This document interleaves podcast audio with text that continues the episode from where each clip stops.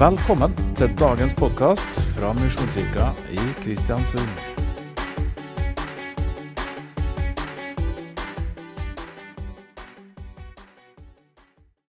i dag. Og det er vel eh, sånn en bok som dere syns er barnemat å kunne. Eh, regner med det. At de fleste av dere, de, dere har de, de fleste svara der på, på, hva som ligger i denne boka. Eh, hvis dere kommer med tanke om at dere kanskje får mange svar i dag, så, så er motivasjonen mer at dere får med dere enda flere spørsmål. så eh, det er jo en, eh, en fantastisk verk. Det, det, det, avslutter jo hele kanoen. Og det er på en måte ikke noe tilfeldig at det er den siste boka i Bibelen. Fordi den uh, tar opp uh, veldig mye av seg i, i det som handler om uh, de siste ting. Men, men, det er jo et språk som er ganske vanskelig å få tak i. Uh, I hvert fall veldig mye av det som er her. Jeg tenkte jeg skulle prøve å dele det opp litt først, sånn at det er, uh, er mulig kanskje også det, det, du får ned i biter, er enklere å fordøye. Jeg vet ikke om dere har lagt merke til det? Det, så liksom du, du, kommer litt uti her, og så begynner du å lese om trompeter og du, engler og skåler og alt mulig rart, så, så er det klart at det, det, er veldig lett å si at det, dette her blir for svært, så vi leser heller i uh, Romerbrevet eller noe sånt noe. Jeg vet ikke om det er mange av dere som har vært der. At uh, vi, vi, har begynt med stor motivasjon at dette skal vi klare å få litt tak på. Og så, og så faller vi ut, og så er det ja, Johannes evangelium er mye koseligere å, å, å lese. Men uh, jeg skal eh, prøve å ta noen sånne små ting og så prøve å bryte det ned litt. Og så skal vi prøve å se om vi klarer å få kommet litt inn på de syv brevene fra Jesus. Altså Det er eh, syv personlige brev som, uh, som Jesus eh, skriver til syv menigheter. Og som vi også vil se etter hvert, handler om syv hva skal jeg si, generasjoner om du vil, av menighetsliv fra starten av. Um, Johannes han han blei eh, sendt til eh, Patmos av han karen her. Det er altså en mynt av Domitian. En, det var han karen som, som, uh, som sendte Patmos av gårde på, på, på nei, Johannes av gårde på Patmos og, og, satte han i fengsel der. Og det, det var jo en, en, en, voldsom forfølgelse som denne karen her, her sto for. Og at, at, Johannes overlever i det hele tatt, er, er veldig bra. Og han ikke bare overlever han, men han kommer sannsynligvis tilbake til Efesus. Det er den første brevet som vi skal gå løs på. Og eh, han dør der. Og han skriver sannsynligvis Johannes' evangelium i Efsus etter åpenbaringa. Det, det, er, det, er, ikke sånn som vi tenker i kronologi. Vi tenker at uh, Johannes' evangelium det er en slags hva skal jeg si, en reportasje som er eh, tatt opp i, i sanntid. Men eh, vi kan se veldig mange spor av at eh, han sannsynligvis må ha denne eh, opplevelsen her med seg inn i Johannes evangelium. Det, det, kan vi se på en god del formuleringer og sånne ting som, eh, som går igjen i Johannes evangelium, som, som har sitt opphav i, eh, i Johannes' åpenbaring. Men veldig mye av dette her er er er forskjellige diskusjoner om. Uh, jeg tenker at det er riktig. og jeg tenker at uh, årstallet for åpenbaringen er uh, ca. år 95. At den ble skrevet da. Og uh, en del andre har eh, si, tankene om at den er 30 år eldre, altså år 65 sånn sirkus. Men eh, jeg tilhører den tanke at dette her er sannsynligvis rundt år 95 som, som Johannes' åpenbaring eh, forefinnes. Og det, det Innledninga på, på Johannes' åpenbaring er jo Han, han sier jo sjøl at han, eh, her var jeg pga. vitnesbyrdet om Jesus. Og han ble eh, sendt dit pga. forfølgelse. Og eh, han får etter hvert besøk av Jesus in person. Det må være en ganske formidabel sak. Og når vi da har, uh, leser om hvordan han beskriver hvordan Jesus ser ut i denne åpenbaringen, så er det en formidabel erfaring som han får på dette her. Og uh, han, Det står at 'jeg falt som død ned for, for, føttene hans, men han la sin hånd på meg og sa, 'Frykt ikke, jeg er den første og den siste og den levende.' 'Jeg var død, men se, jeg lever i all evighet og har nøklene til døden og dødsriket.' 'Så skriv det du har sett, det som nå er, og det som heretter skal komme.' Så det er oppdraget som eh, Johannes får. Det er altså skriv det du har sett, og skriv det som nå er, og det som skal komme. Og Dette er perspektivet i, uh, i Johannes' åpenbaring. Det er at det, det handler om eh, sanntid, og det handler om, eh, om, om, det som ligger foran. Hvis vi, hvis vi ser litt nøyere på inndelingen her, så kan du se at de tre første kapitlene jeg vet ikke, De fleste av dere har sikkert kommet igjennom dem. Og Så begynner dere på kapittel 4, og så begynner at det, kjenner at det her detter vi ut ganske fort. Og Det henger sammen med at de tre første kapitlene de er retta imot menigheten. Altså, de er mynta på menigheten. Eh, og fra kapittel 4 og utover, i hvert fall fram til eh, kapittel 18, så har du eh, alle disse endetidsscenarioene som eh, er i en jødisk språkkontekst. Og det er i en, i en, eh, i en eh, Hva skal jeg si eh, Formulert sånn at du forutsetter at du har forstand på det jødiske kulturen, det jødiske akopalyptiske eh, litteratur osv. Sånn at eh, det forutsettes av leseren når du kommer fra kapittel 4 og videre innover, at du har lest Bibelen, har en grundig forståelse av Bibelen, og at, eh, at du samtidig har eh, litt forstand på, på, hvordan den jødiske kulturen fungerer. Og Det er vel her de fleste av oss kanskje kjenner at det, det butter litt. Og det er ikke fullt så lett å følge med lenger.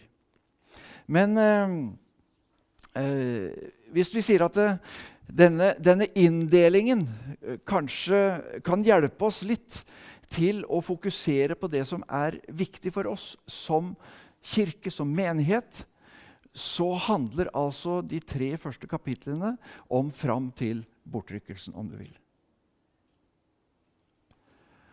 Så eh, vi, vi, har en struktur også i uh, Johannes' åpenbaring som, uh, som, hele tida uh, Skal vi se, det står På norsk så står det 'Deretter hadde jeg et syn etter etter dette. Der, deretter så jeg' osv. Det, det vil du se går igjen i, i, hele den boka. Du vil også finne det i Johannes' evangelium. Metatauta, som vi kaller det. Det er altså etter dette. Og så, så, kommer en ny bolk med syner. Så kommer en ny bolk med ting som, som, han får lov til å se inn i og erfare. Og Når det kommer til kapittel 19 og ut til resten av Johans evangelium, så, så er det eh, store hvite flokk i himmelen, og, og du, du, har liksom eh, koret der. og det, Da blir lovsangen her nede litt tam. Det er ganske overbevist om, selv om den kan bli bra av og til. Så, så, så da har du på en måte eh, sluttscenarioet og, og, og de aller siste ting. Så 4-18 er på en måte veldig konsentrert om, om Guds dom over eh, frafallet. Guds dom over eh, en, en, fallen verden. Og det, det, er vanskelig for oss å, å, ta inn over oss, og vi, vi blunker litt og lokker litt ørene når vi snakker om at Gud skal dømme verden, og sånt, men Bibelen er full av det. Og hvis vi skal ta Bibelen på alvor, så er vi nødt til å lese de tingene òg. Men eh, noe av det som, som, gjør at fra kapittel 4 og utover handler om etter bortrykkelsen at jeg tror det. Det er mange som er uenige med meg, så, så det er lov å være det. Men det er at eh, forfølgelse er en del av den kristne kirkes si, lodd. Det har alltid vært der og kommer til å være der. Men eh, Guds vrede er ikke beregna på hans menighet. Derfor så tror jeg at menigheten er bortrykket når Guds vredesdom skal åpenbare seg over jorda. Dette er sånne grove greier som eh, og eh, vi, jeg håper vi kommer så langt at vi, vi får et lite bilde av uh, hvordan vår egen tankegang faktisk er forma av det vi har vokst opp i, og at vi, vi kanskje trenger å justere oss litt av og til. Yes. Det var en liten innledning. Eh, Ta med vers 20 òg. Og dette er hemmeligheten med de sju stjernene som du så i min høyre hånd, og de sju lysestakene av gull. De sju stjernene er englene for de sju menighetene, og de sju lysestakene er menighetene selv. Angelos her er eh, sendebud, men er også engel. Så, eh, og det er, eh, det, dette språket kommer vi tilbake til også seinere utover her. Men eh, første eh, brevet det er til Efesus. Og eh, det innleder med 'Skriv til engelen for menigheten i Efesos'. Det er, eh, det er, det er eh, innledningen som går igjen i alle, alle, disse brevene. Så er det 'skriv til engelen for' osv. Det tyder på at eh, hver engel, eller hver tidsepoke om du vil, har sin egen eh, utsending og, og, og engel i dette systemet her. Så Det første som han, han, sier, og det sies i hver eneste av de brevene, det er Dette sier han som holder de sju stjerner i sin høyre hånd, han som går omkring blant de sju lysestaker av gull. Eh, det er en beskrivelse av egenart ved Jesus. Altså dette, dette skriver han som, som da er den som går omkring blant de sju lysestakene, altså går omkring blant alle menighetene og holder alle disse tingene i sin hånd. Her er et bilde av at han, han både går rundt omkring og samtidig holder alt i sin hånd. Det er eh, eh, ganske artig bilde. Og så ser du at eh, alle de andre brevene nå så har han en, en annerledes presentasjon av seg sjøl. Hvis du går til uh, Smyrna, f.eks., så er det uh, Dette sier den første og den siste. Han som var død, og som er, er blitt levende. Du ser at det her er en ny beskrivelse av Kristus. Og han, han, han, identifiserer seg da med egenskaper som er individuelle for hver enkelt menighet. Og de egenskapene de har betydning for brevet og for tilstanden i den menigheten og det som man har på hjertet til de enkelte menighetene. Det er altså en, en, struktur som går igjen i alle disse brevene, som vi vil etter hvert uh, klare å kjenne igjen, og som, som gjør at vi kan, kan se uh, de forskjellige betydningene som dette kan ha. Hvis vi tar da og, og ser på Efesus dette sier han osv. Jeg vet om dine gjerninger. Du har arbeidet, og du har holdt ut. Jeg vet også at du ikke kan tåle de onde.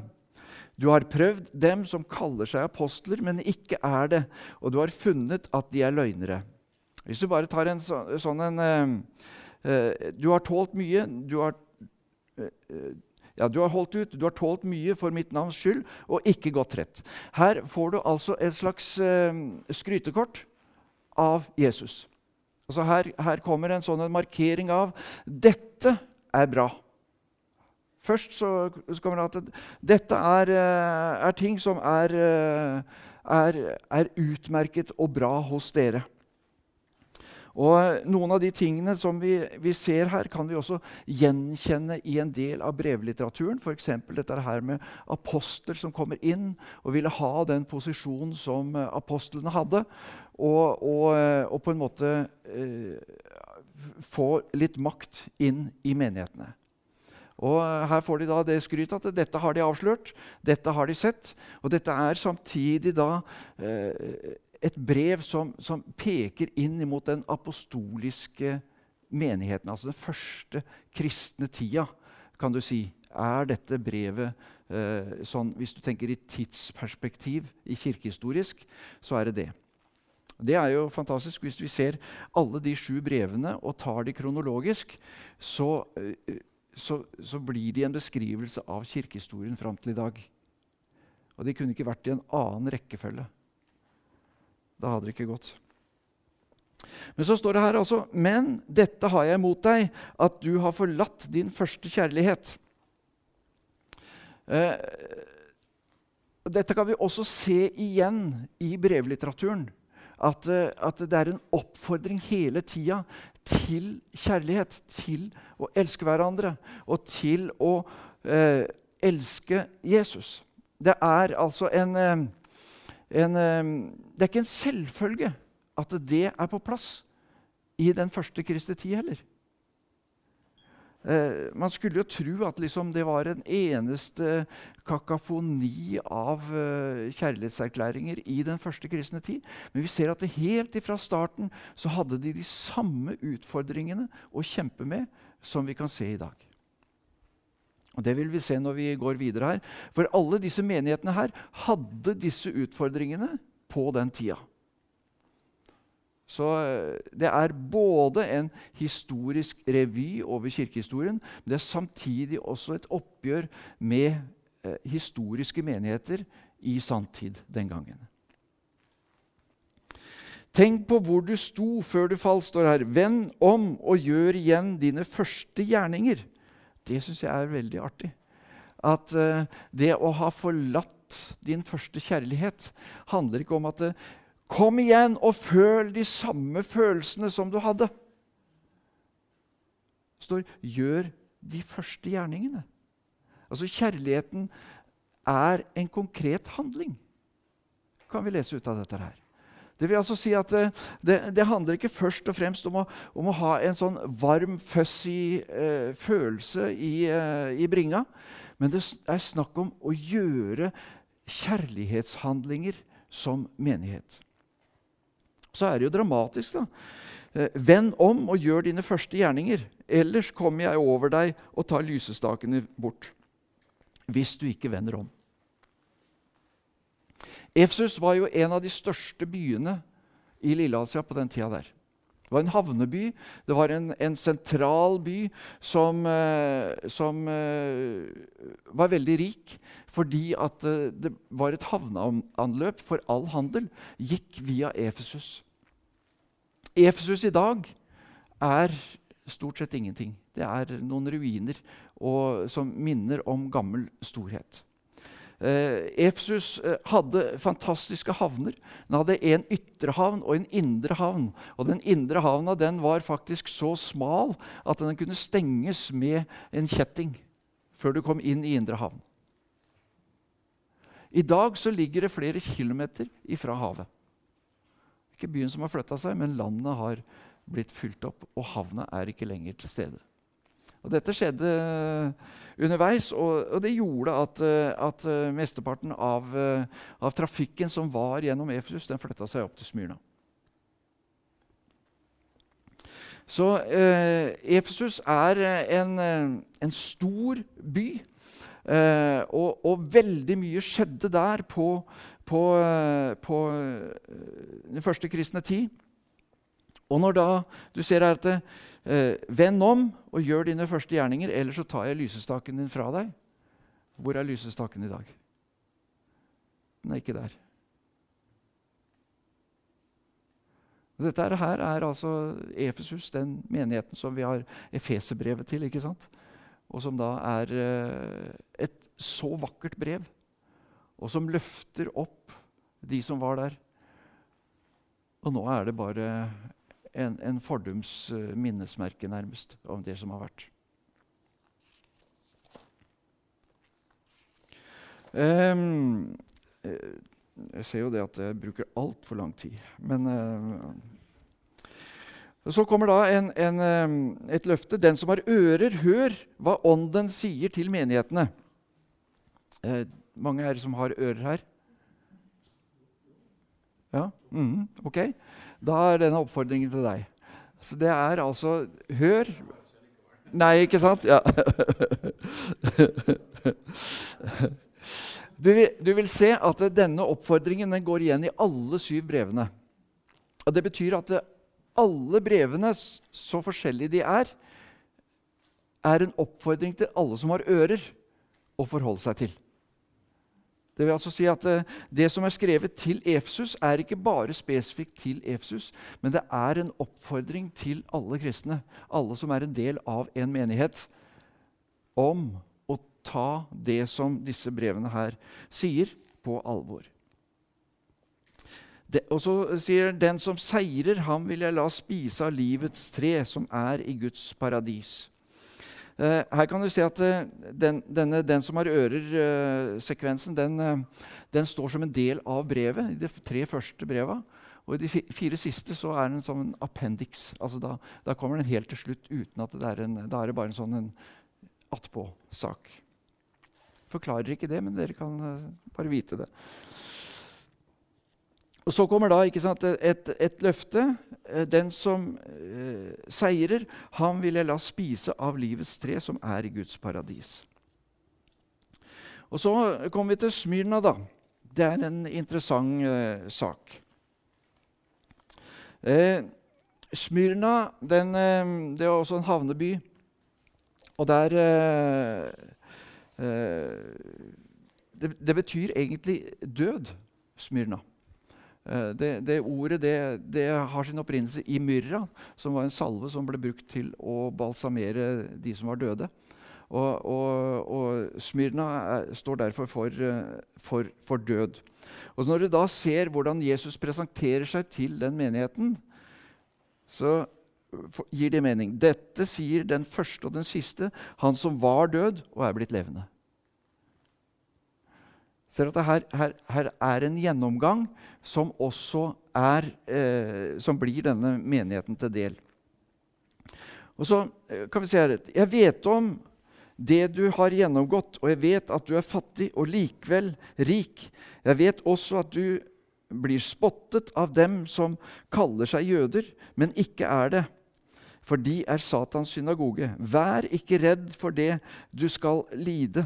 Djevelen kommer til å kaste noen av dere i fengsel for, å, eh, for, at dere skal settes på prøve. Og i ti dager skal dere lide vondt. Vær tro til døden, så skal jeg gi deg livets krone. Den som har ører, hør hva Ånden sier til menigheten. Den som seirer, skal ikke rammes av den annen død. Merker dere noe som mangler i det brevet der?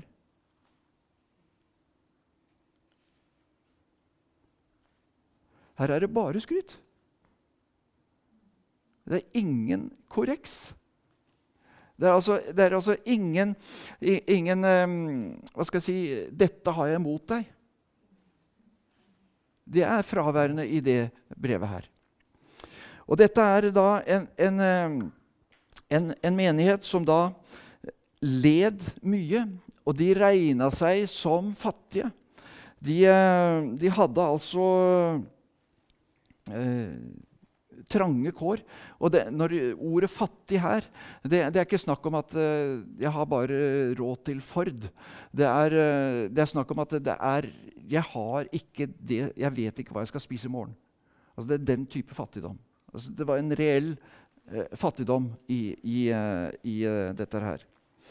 Og så står det her altså, det, det, er akkurat som om Jesus eh, åpner hjertet inn i denne eh, menigheten her og sier at vær ikke redd, jeg har seira over døden. Det du lider, det går ikke upakta hen hos meg. Og du skal lønnes for det du lider. Og dette her, Så står det at noen vil kaste dere i fengsel for at dere skal settes på prøve, og i ti dager skal du lide vondt. Eh, faktum er at eh, det er ca. ti perioder med sterk forfølgelse i den første kristne tid. Fram til år 250 omtrent. Så er det sterk, kraftig forfølgelse som vi kan faktisk dele inn i ti kategorier. Så kan hende at eh, de ti dagene her peker rett og slett på at dette ligger foran dere. Og, og denne denne forfølgelsen som de, de, eh, de opplever, eh, viser seg å på en måte være eh, Sette denne menigheten i en spesiell posisjon. Og jeg tror at Hvis vi skal eh, ta den eh, tidstypisk, eller ta den inn i dag, så tror jeg at vi kan eh, alliere den lidende kirke med Smyrna-menigheten også i dag. For også i dag så er det ekstremt mange menigheter som, som lider, og som, eh, som, blir forfulgt for sin tros skyld. Og det er de som ikke får korreks i det hele tatt. De får bare skryt. Så er det Pergamon. Det er en interessant eh, sak.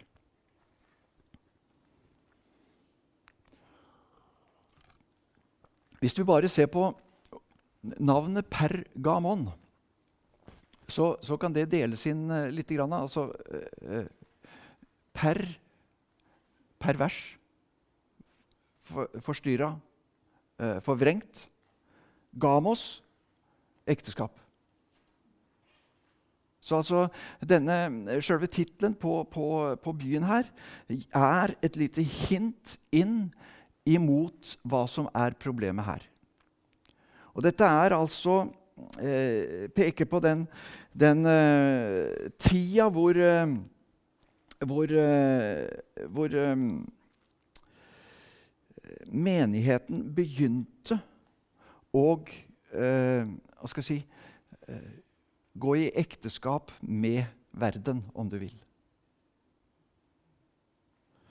Um, i Efsus så, så, ser vi vi har hoppa over det akkurat eh, nikolaitene. Det står eh, Men den ro skal du ha, at du hater nikolaitene. Hvis vi ser i Pergamon, så ser vi at eh, her er eh, ikke nikolaitene noe som er på utsida av menigheten, men her har nikolaitene fått en posisjon i menigheten. Og dette med nikolaitene det er en ganske interessant eh, greie. Det er noen som mener at uh, nikolaitene er uh,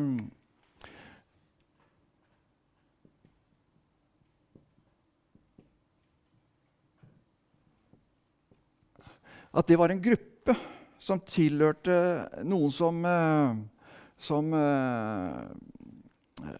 som ville ha apostolisk autoritet i menigheten. Og, eh, og, og, drev med vranglære. Men dette har vi ingen spor av at det er, er, er tilfellet. Så det er bare gjetninger. Men veldig ofte så, så, oppdager vi at noen av disse, disse ordene her eh, er uoversatt.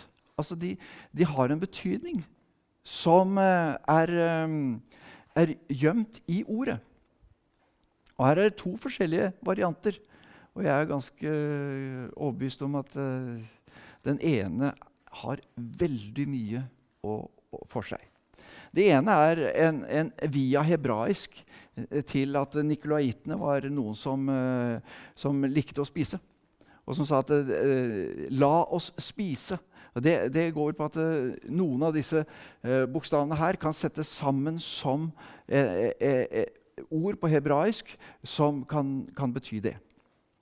Men dette er skrevet på gresk, og det er skrevet til menigheten, som først og fremst er eh, gresktalende i denne perioden. her. Og Hvis da dette skulle gi mening, så hvis vi tar Nico, så betyr det eh, herske over. Jeg kan jo ikke skrive. Det, det er eh, jeg, har, ikke, jeg har ikke vilt si det, men uh, ja. Altså, det betyr å herske over. Og laitene, det betyr altså lekfolket.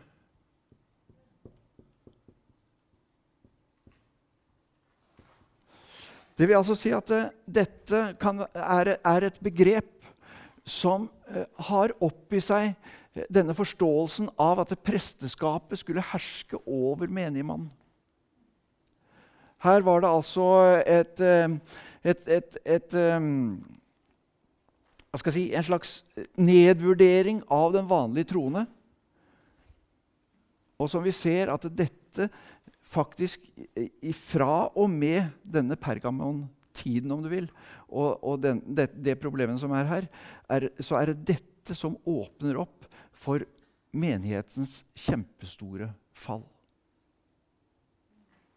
Fordi at det, nemlig eh, disse som er opptatt av makt, har også en tendens til å ville alliere seg med de andre som har makt nemlig lederne i samfunnet. Politikerne, eller hva nå enn vil kalle dem. Fordi at eh, de har en, en uh, intensjon om å herske. Og Derfor så går de dit hvor eh, makt kan distribueres.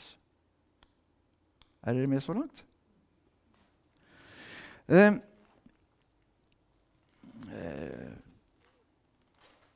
dette, dette er eh, Kan bare ta, ha det i bakhodet nå inntil videre. Så skal vi se om vi klarer oss å komme inn og, og få tatt det opp igjen. Eh, legg merke til da presentasjonen som Jesus gjør til eh, Pergamon. Dette sier han som har det skarpe, tveget sverd. Hva er det for noe? Det er Guds ord. Det er Bibelen. Det vil altså si at eh, hva, hva, er, som, hva er det som skal herske? og det er Guds ord. Og, og eh, vi, vi, ser jo også at det, eh, at det var en følge av den religiøse eliten. Det var faktisk at, eh, at Bibelen og bibellesningen faktisk ble forbudt mange steder. Det ble, ble, tatt vekk som et element. Du måtte via presten for å, å få høre Guds ord. Og, så, så, dette her og Dette er altså nikolaittene. Det, det, er Jesus sier at dem hater jeg. Er ikke det ganske heftig? Syns dere ser eh, Jesus for dere når han sier at 'jeg hater dem'? Det er det. Det er Jesus som sier det. Uh, vi kan jo si uh, og du, du, har ikke skal vi se, Her, her er det også en, en, en skrytekort. da. De får jo, får jo, eh, noe med seg her. Jeg vet hvor du bor, der hvor Satan har sin trone. Likevel holder du fast ved mitt navn. Og du har ikke fornektet troen på meg, ikke engang i de dager da Antipas, mitt trofaste vitne, ble slått i hjel i byen deres, der Satan bor. Noen få ting der.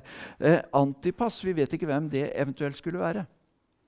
Men antipas eh, eh, kan oversettes med 'den som holder igjen', den som står imot. Og Det kan godt hende at det da er snakk om altså at her, er, her, ble den som holdt igjen og holdt imot, han ble slått ned i denne byen her. Det er bare en sånn en tanke. Men der Satan bor, eh, har dere en følelse av at Satan er overalt? Han er ikke det. Han er ikke omnipotent som Gud er. Han er ikke overalt på Han har lokasjon. Så han er knyttet til et sted. Og Det kan se ut som om vi har en bevegelse av fra, fra Babylon eh, eh, til eh, neste by, holdt jeg på å si, som er eh, Tyatira.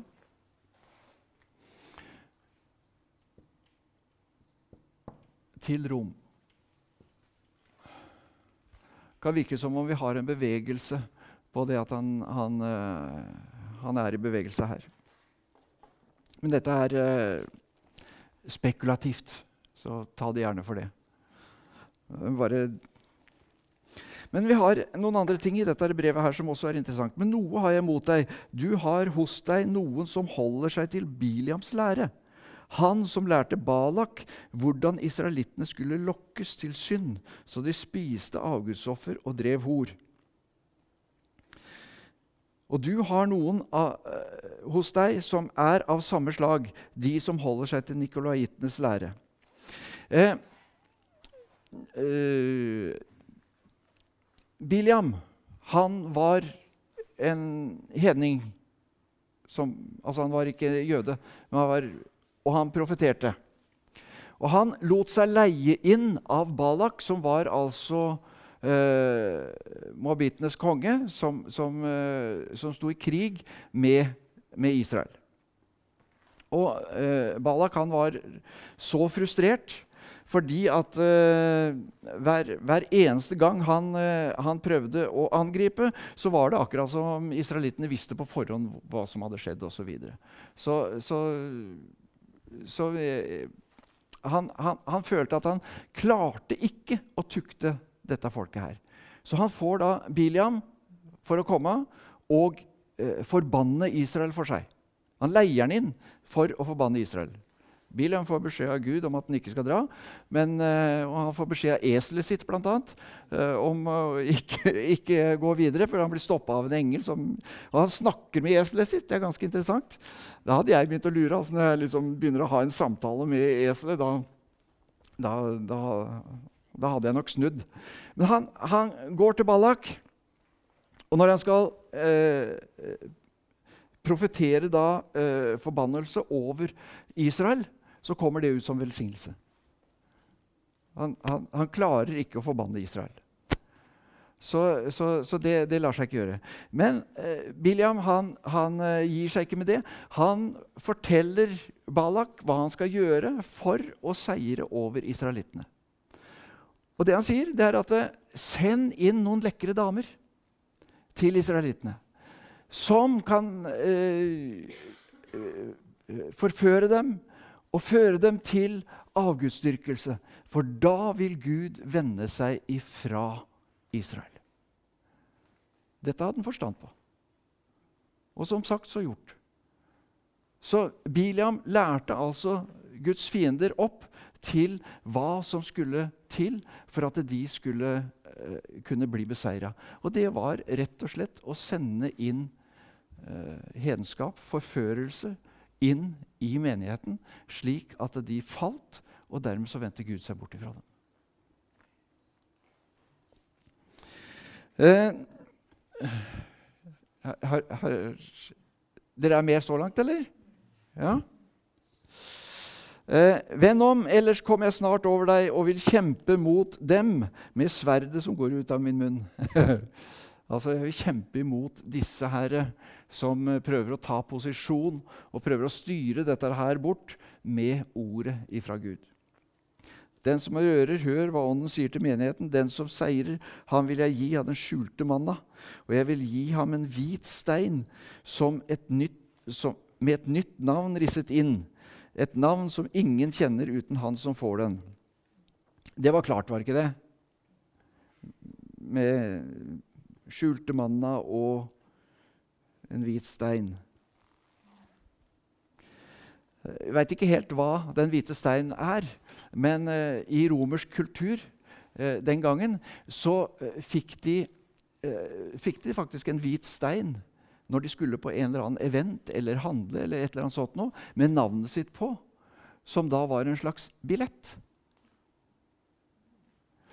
Så hvis dette her da er en billett Jeg vil gi han et billett til den skjulte manna.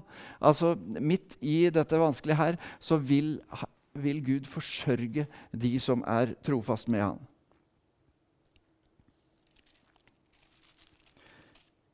Syns dere dette er gøy? Mm. Jeg syns det er uh, veldig spennende. Uh, skriv til engelen for menigheten i Tyatira. Dette sier Guds sønn, han som har øyne som flammende ild og føtter som bronse. Det er et bilde av Jesus som, uh, som jeg tror hadde skremt noen og enhver. Og dette er bildet eller, eller, denne beskrivelsen av Jesus er, er, er det dom og sinne i. Altså eh, eh, Bronse eh, Når det er på bordet, så er det et, eh, et eh, element som, som har med, med, dom å gjøre. Og når det, det, lyser av øya til Jesus, så, så, er det fordi at dette her er et sterkt engasjement. Men her også er en, en, en, veldig flott skår de får til å begynne med. Jeg vet om dine gjerninger, din kjærlighet og din tro, din tjeneste og din utholdenhet. Ja, dine siste gjerninger har overgått dine første. Og så kommer, men dette har jeg imot deg, at du lar kvinnen Jesabel holde på, osv. Eh, hvis vi... Eh, hvis vi tar litt sånn kirkehistorisk eh, Hvor langt vi har kommet fram nå, så er vi kommet fram til dette der, der forfølgelsene har på en måte gitt seg. Og eh, vi er i ferd med å, å nå fram til eh, der Rom og Kirken begynner å gå i sammen. Eh, jeg har mynter fra det og jeg. Det er jo egentlig bare for å få dere til å bli interessert i å samle på mynter. Da. Men her er altså uh, Konstantin den første, som, uh, som er den første kristne keiser. Og Konstantin den første, han Han var den, altså, Keiseren før Konstantin 1. Han var den verste kristendomsforfølgeren som, som vi har hatt. Og han, eh, han slakta Diokleten. Han, han slakta flere enn noen av sine forgjengere. Men så har vi da denne perioden hvor, eh, hvor eh,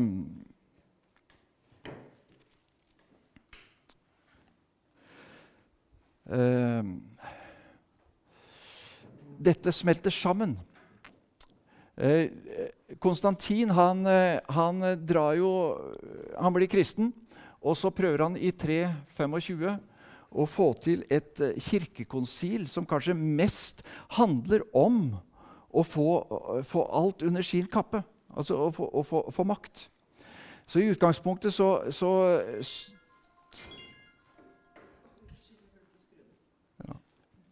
Sånn var det. og dette kirkekonsilet her, det, det blir en markering eh, og et skille i kirkehistorien som er, er eh, ganske dramatisk. Eh, her En ting er at det etablerer på sett og vis nikolaiten, om du vil, eller denne makten hos de kirkelige lederne. Og de, de eh, går nærmest inn i ekteskap med, med, med keiseren.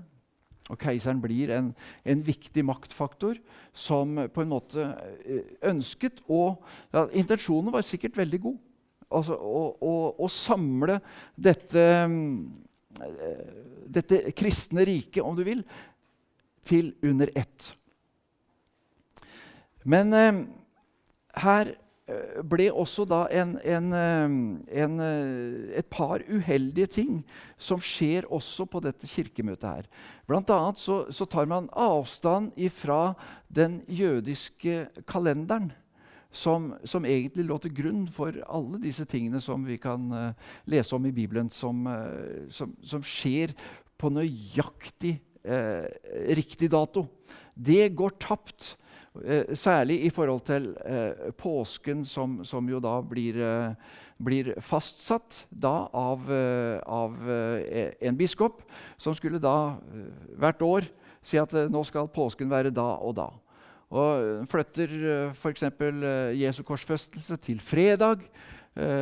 og vi får ikke matematikken til å gå opp. Han, hvordan kan han være tre dager og tre netter i graven og stå opp igjen på søndag? Eh, vi har alle sammen slitt med akkurat å få den tellinga der til å gå opp. Og dette har sitt årsak i, i, i dette møtet her. Hvor, uh, hvor påsken altså ble, ble, fastlagt til en, en, uh, en dato som biskopene satte, som da sto på utsida av den, den, jødiske kalenderen. Altså, Den jødiske kalenderen Bare for å ta noen, noen få ting. Eh, når uh, Når arken stopper på Ararat, altså etter flommen, så skjer det i eh, Nisan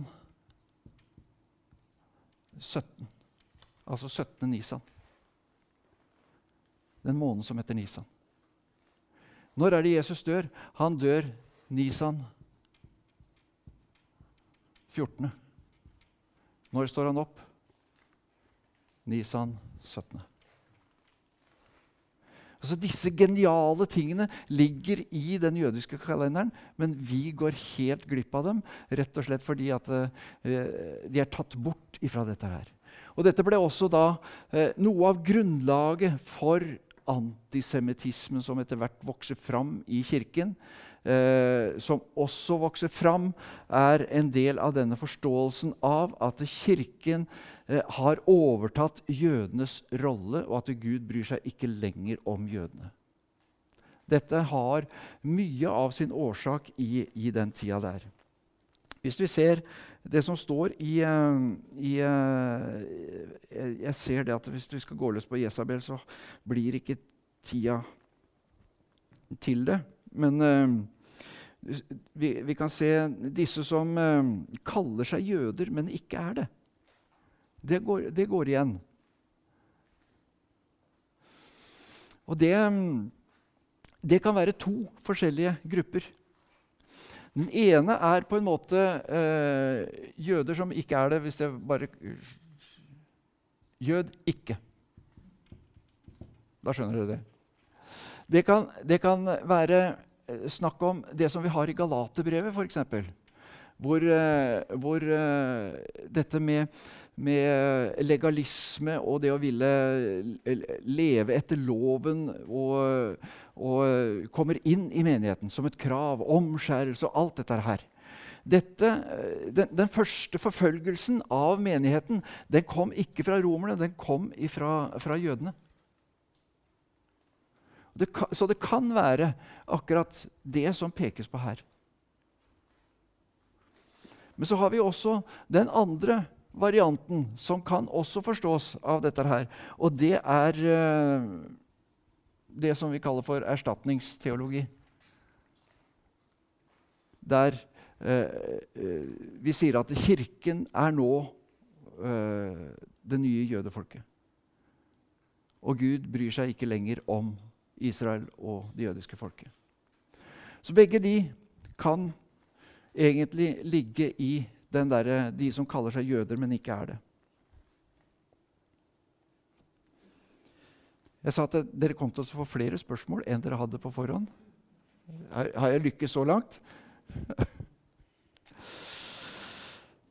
um, skal speede opp litt her. Sardes det er også en veldig interessant eh, eh, plass. Sardes det var, et, det var en, en, en, by med, med, stor rikdom. Altså det, det, var en by som produserte masse svart ull, og som hadde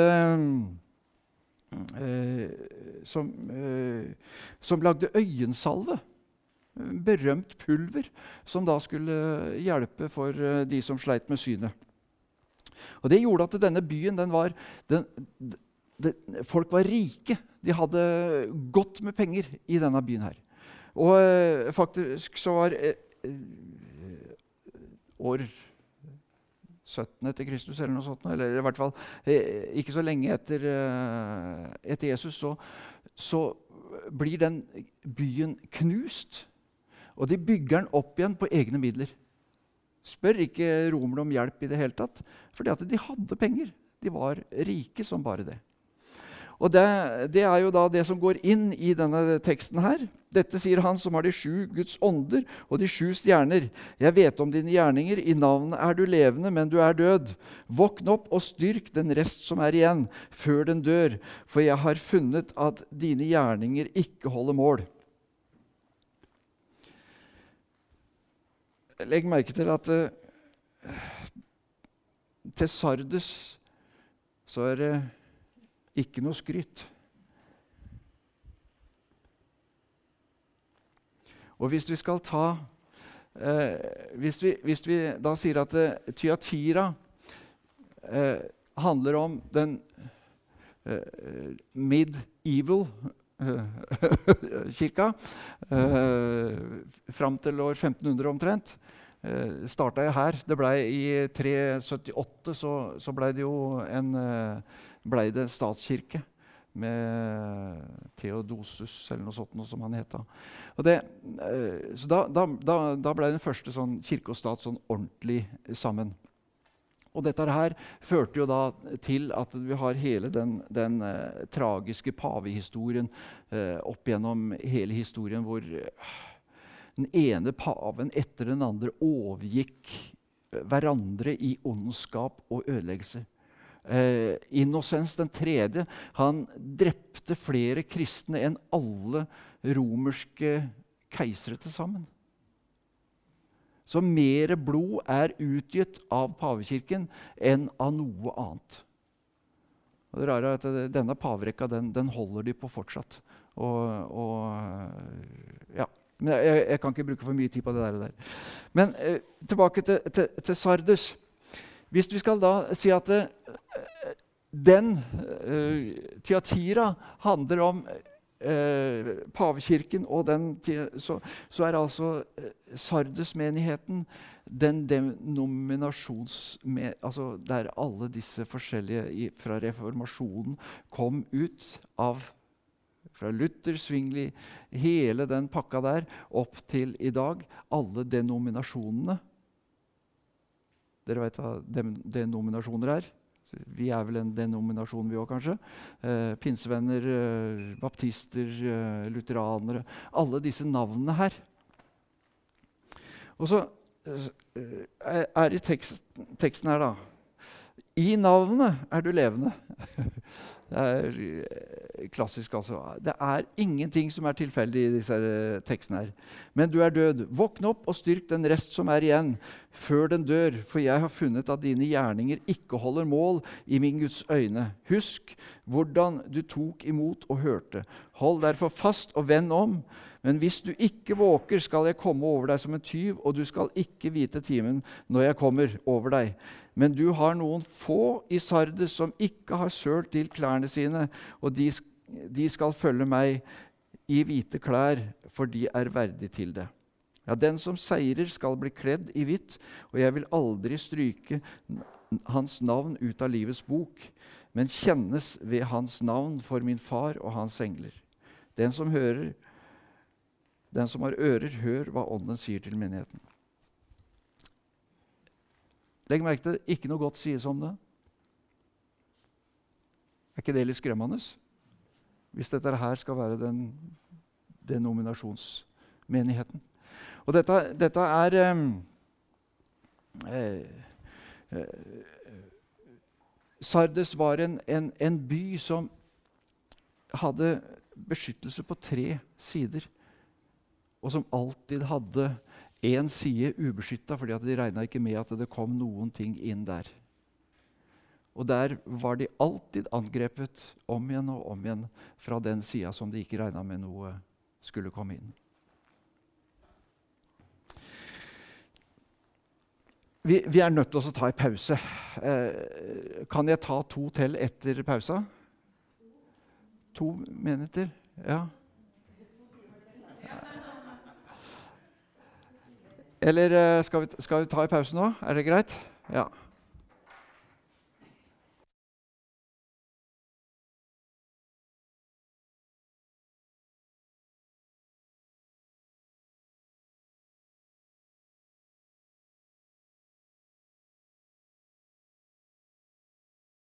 Eh, flekk av et sted.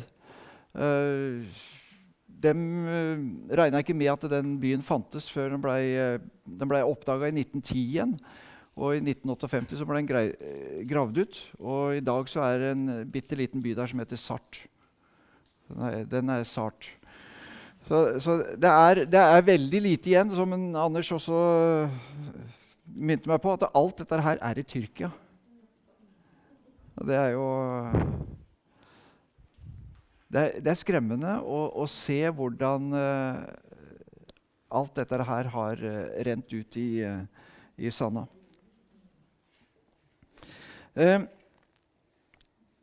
nå kommer vi til en som heter Philadelphia. Og Det er ikke noe rart at folk kaller menigheten sin for Philadelphia. For det er det er en av de menighetene som faktisk eh, det ikke står noe negativt om. Og det er eh, og denne, Til denne menigheten her så sier, eh, sier altså Jesus dette sier den hellige og sannferdige, han som har Davids nøkkel, han som åpner så ingen kan stenge, og stenger så ingen kan åpne. Jeg vet om dine gjerninger. Se, jeg har satt foran deg en åpnet dør som ingen kan stenge, for du har liten kraft, og likevel har du holdt fast ved mitt ord og ikke fornektet mitt navn. Dette er på en måte den menigheten som vi kan, kan kalle den, den misjonale menigheten. Altså den som, som eh, er en, en menighet som har det å vinne mennesker på programmet. Altså det, er, det, er, på en måte det som gjør at vi er til. Så Det er, den, det er misjonærkirken, om du vil. Og Hvis dere husker for, uh, hvis dere husker en 100 år tilbake, det gjør de fleste av oss men, Så er uh, de aller fleste av dagens organisasjoner de startet du som misjonsorganisasjoner. Inklusive vår egen. Altså vi, vi, vi, startet ut med et brennende ønske om å nå verden med evangeliet. Og dette er altså den, den menigheten som, som, ikke får noe strykkarakter. Ikke noe negativt sagt om seg. Er ikke det bra? Og her, her er det rett og slett Jeg kommer snart. Hold fast på det du har, så ingen tar fra deg din krone. Eh, skal vi se Jeg vil bare ta med vers 10 der. Bare fordi at det her er en liten sånn eh, eh, grammatikalsk greie. Fordi du har tatt vare på mitt ord om å holde ut, vil jeg bevare deg gjennom den tid av prøvelser som skal komme over hele verden for å prøve dem som bor på jorden. Eh, det er feil oversatt. Fælt å si det, men uh, der uh, står det en preposisjon 'ek' på gresk, som betyr 'ut av'. Så jeg vil bevare deg ut av. Så dette er et løfte om at den misjonale menighet faktisk ikke skal gjennom store trengsel. Gjennom den store trengsel. Det er en sånn liten interessant sak. Men, eh, men eh, så, så, så, legger vi merke til hvordan da ikke sant, eh, bibeloversettelsene våre blir ofte forma av den teologien som vi har fra før.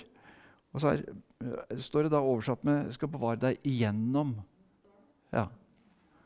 Mens på gresk så står det 'ut av'.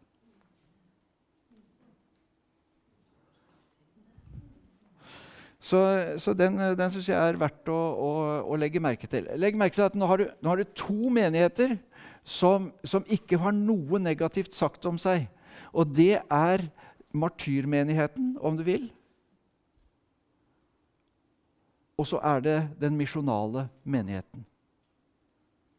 Det, eh, kanskje bare de to tingene der kunne anspore oss litt til at eh, hva er det å være menighet?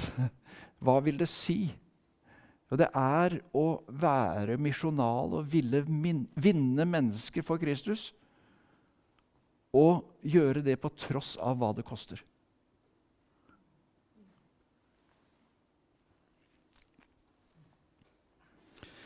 Så har vi da den siste menigheten, Laudukea.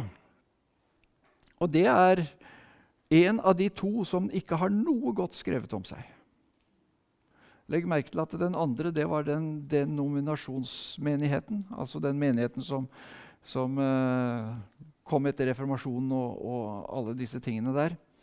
Eh, mye bra ble gjort eh, i reformasjonen, men de fullførte ikke og det som går igjen i, eh, i, i eh, den type menigheter, eh, det er at her er det en allegorisk tolkning av Bibelen. Altså, Bibelen blir en sånn anekdotebok som, som, som gir oss gode fortellinger, som skal fortelle oss om et, et eller annet om livet. Og det merker jeg at den, den, måten å bruke Bibelen på, den, den eksisterer fortsatt uh, for en stor del. Altså at Fortellingene er bare er som en slags sånne gode uh, eventyr. Og det er også en, en, en uh, klar forståelse av at Gud ikke handler med Israel lenger. Antisemittismen var veldig rådende i den, den reformerte kirke også. Og det var helt og det samme med at Gud ikke handler med Israel, så følger også det at dette med bortrykkelsen, endetida og alle disse tingene, det er ting som bare må forstås på en eller annen eh, ja, åndelig forståelse. Det er ikke reelle hendelser som vi eh, kan forvente skje. Alt dette her går igjen i denne eh, gruppe menigheter, om du vil. Så du vil, eh, du vil møte en, en sånn uh, veldig blank forståelse av det som vi snakker om her i, i kveld, i hvert fall.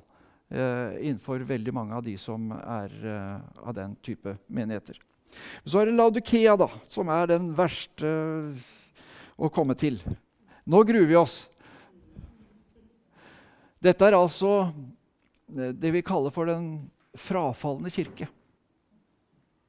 Altså den kirke som uh, ja, har endt opp med å bli bare en kulturkirke, en politisk kirke, en, en kirke som ja, egentlig ja, Jeg vet ikke helt hva den er. Den er i hvert fall ikke en kirke som bygger på Guds ord lenger. Og her er det full strykkarakter. Dette sier han som er amen, det trofaste og sannferdige vitne, og opphavet til Guds skaperverk. Det er interessant altså at han, bruker, ja, han poengterer at han er den som står bak alle ting. Så, så, så, hvis du reduserer alle ting til å bare være sånn der, klapp på skulderen og det er hyggelig, og vi får uh, ha en uh, kulturaften i kveld og, og alt dette her som, som, på en måte eh, går ut på at vi skal bare ha det hyggelig underveis. Det, det er på en måte, jeg, jeg ser for meg en menighet som litt à la orkesteret på Titanic. Som spiller og spiller og spiller mens Titanic er i ferd med å gå, uh, gå ned. Altså Hvor vi underholder, og hvor vi på en måte sørger for at det er hyggelig på vei til fortapelsen.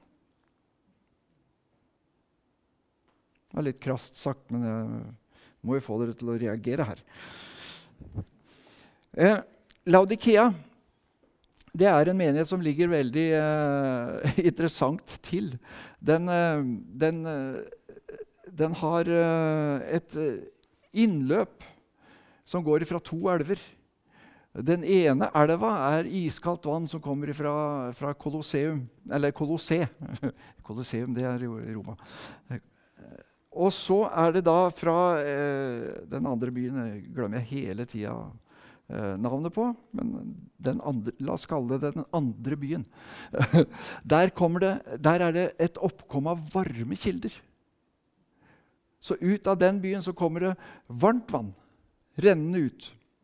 Og når dette møtes og når fram til Laudikea, så er det blitt lunkent.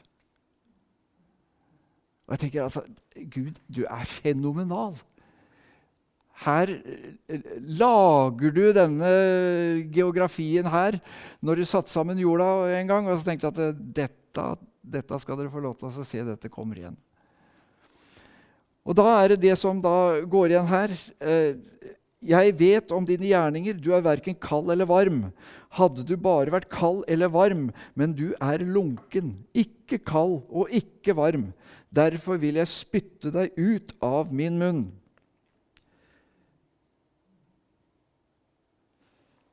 Så her er det tydelig at denne menigheten får Jesus til å bli kvalm.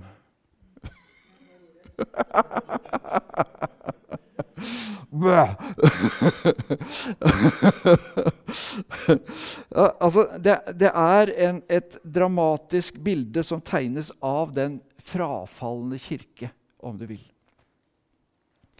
Og eh, verken kald eller varm altså, er, Lunkenhet er jo altså, Er det noe som Altså, Ting virker ikke på folk som er lunkne. Har dere ikke lagt merke til det? Altså Folk som er lunkne, de er på en måte vaksinert.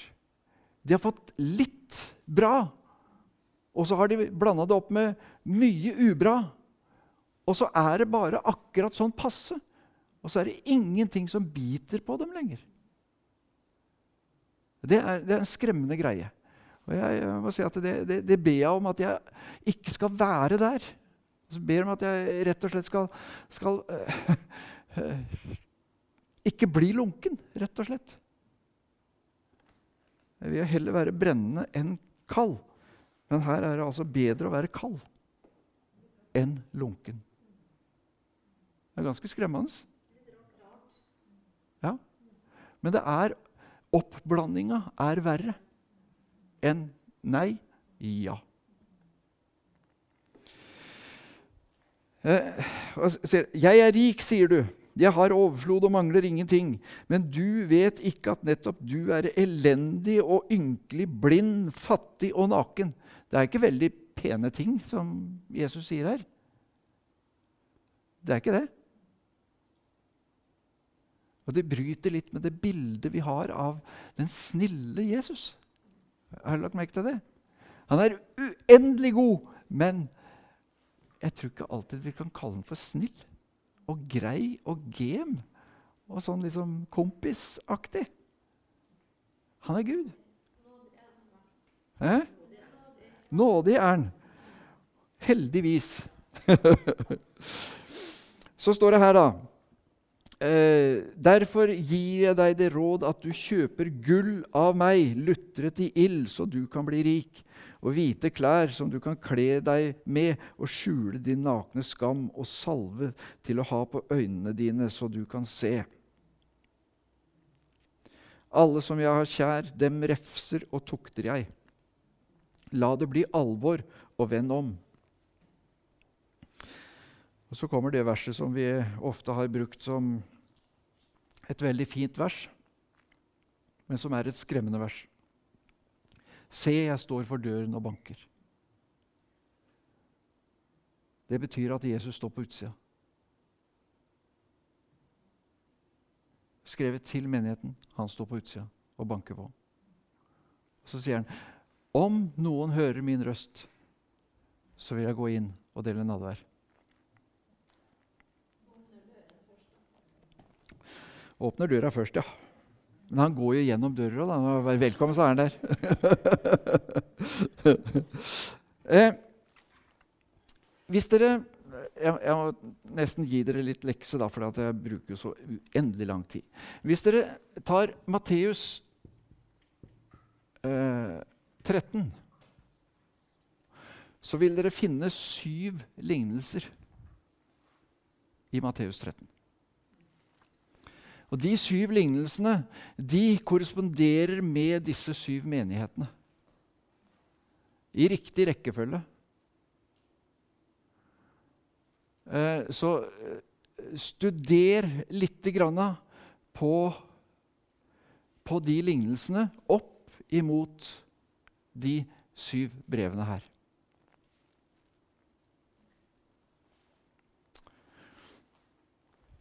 Hvis vi bare tar uh, det siste brevet.